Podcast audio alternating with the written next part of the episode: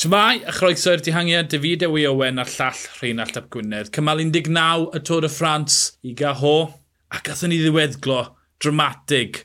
Dihangiad bach yn mynd yn cynnwys Jasper Sturfer, Fred Wright gyda 30 km i fynd.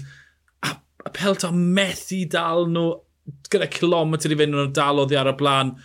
Wel, fan at nath lot o'r gwaith i dynnu fe nôl a rhan Christoph Laporte. Laporte yn dyddiau Sagan, wedyn Sturfer, wedyn Wright ac yn pontio draw ac yn ymosod y llun. Oedd yna'n gampwaith o gynllun unwaith eto gan Iwmba Fisma.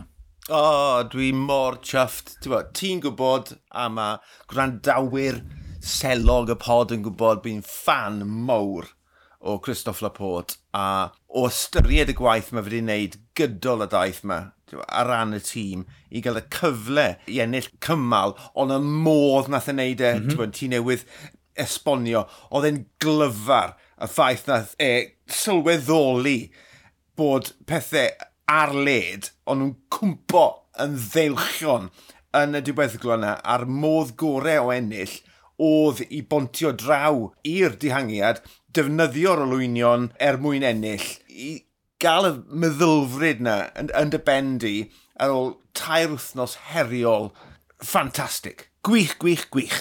A mae hwn yn hollol distriwio y theori twyd bod Wout fan at mewn unrhyw ffordd i bod yn hynanol unrhyw diwrnod o'r Tôr y Ffrans. Mm -hmm. Heb gwaith Wout fan at, bydde hwnna heb llwyddo, achos sa'i byth di gweld Pelton di racso fel maen nhw twyd, ar gymaint yna, oedd o braidd unrhyw'n gallu dal mlaen i'r olwyn. Ond dyma senario i ni wedi gweld gydol y tŵr. Mae Wout wedi gallu edrych ar ôl i ofynion ei hunan, y gwyrdd, cymalau, ond edrych ar ôl i arweinydd a'r tîm hefyd. Yn amlwg mae fe'n edrych ar ôl tywa, i yrfa ei hun, ond mae fe'n edrych ar yr, y ddarlun mwy o ran y Tôr de France. Jumbo Visma yn ennill y Cris Melin. Ti'n ti sôn am gampwaith. Mae hwn wedi bod yn gampwaith tactegol i'r tîm cyfan a mae Wout van Aert wedi bod reit yng nghrombil y tactegau yna. Ti'n bod, chapeau with boy. O, oh, gwych gan Wout van Aert. A tra be, 20 km i fynd yn y Ronda Fan Flandre 2023, mi fydd Laporte yn rhoi gant y cant mewn i Wout Van Aert yn dod o'n y gornau. Achos bydd e'n cofio bod Wout Van Aert wedi gwneud y gwaith iddo fe i roi cymal y Tôr y Ffrans ar blat i Christophe Laporte. Twyd, mae'n hael, ond mae hefyd yn siwtio gyfynion Wout Van Aert am y flwyddyn nesaf. Ti'n prynu ffyddlondeb, a pa ffordd gwell i brynu ffyddlondeb Christophe Laporte na roi cymal o Tôr y Ffrans iddo fe. O, yn bendant. Tewa, pam ffindes i mas am Laporte yn y i Jumbo Fisma, ond i'n gwybod yn iawn bod e yn arwyddiad perffaith. Right, ar yr un lefel fel ti newydd sôn am dîm clasuron wawt, ond dwi wedi cael yn siomio'r ochr orau gyda beth mae wedi wneud bo, yn, yn y Grand Tour, a mae hwnna yn mynd i ddatblygu fwy fwy dros y blynyddoedd. Ffantastig. Ie, yeah, um, mae'r podiwm yn hollol saff fori yma na 40 km yn erbyn y cloc.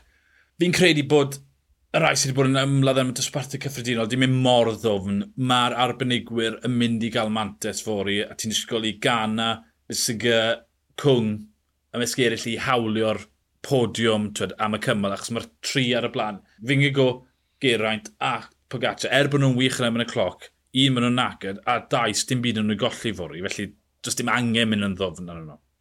Na, dyna'r un peth anffodus yw, achos fel mae'r podiwm yn edrych, do, does dim drama yn mynd i fod rhwng y dosbarthiad. Right, nath Pogacar ennill pimp eiliad nôl heddi. Ffindodd ei hunan yn grŵp y gwybwyr ar y blaen, ond twa, pimp eiliad, dwi'n ddim byd. Felly, ie, yeah, mae'r ma, ma drama uh, y ras yn erbyn y cloc yn mynd i chwarae mas gyda'r enwau e, i tu newydd sôn, ti'n bod, yr, yr arbenigwyr sydd wedi edrych ar ôl ei hunain dros uh, bod, y dyddiau diwetha er mwyn clatio bant fori. Uh, byddwn ni'n ôl i drafod digwyddiadau'r ras yn erbyn y cloc fori, ond y fi Dewi Owen a llall Rhain y Llap Gwynedd. Mae'n hapus bod Laporte i ennill. Hwyl.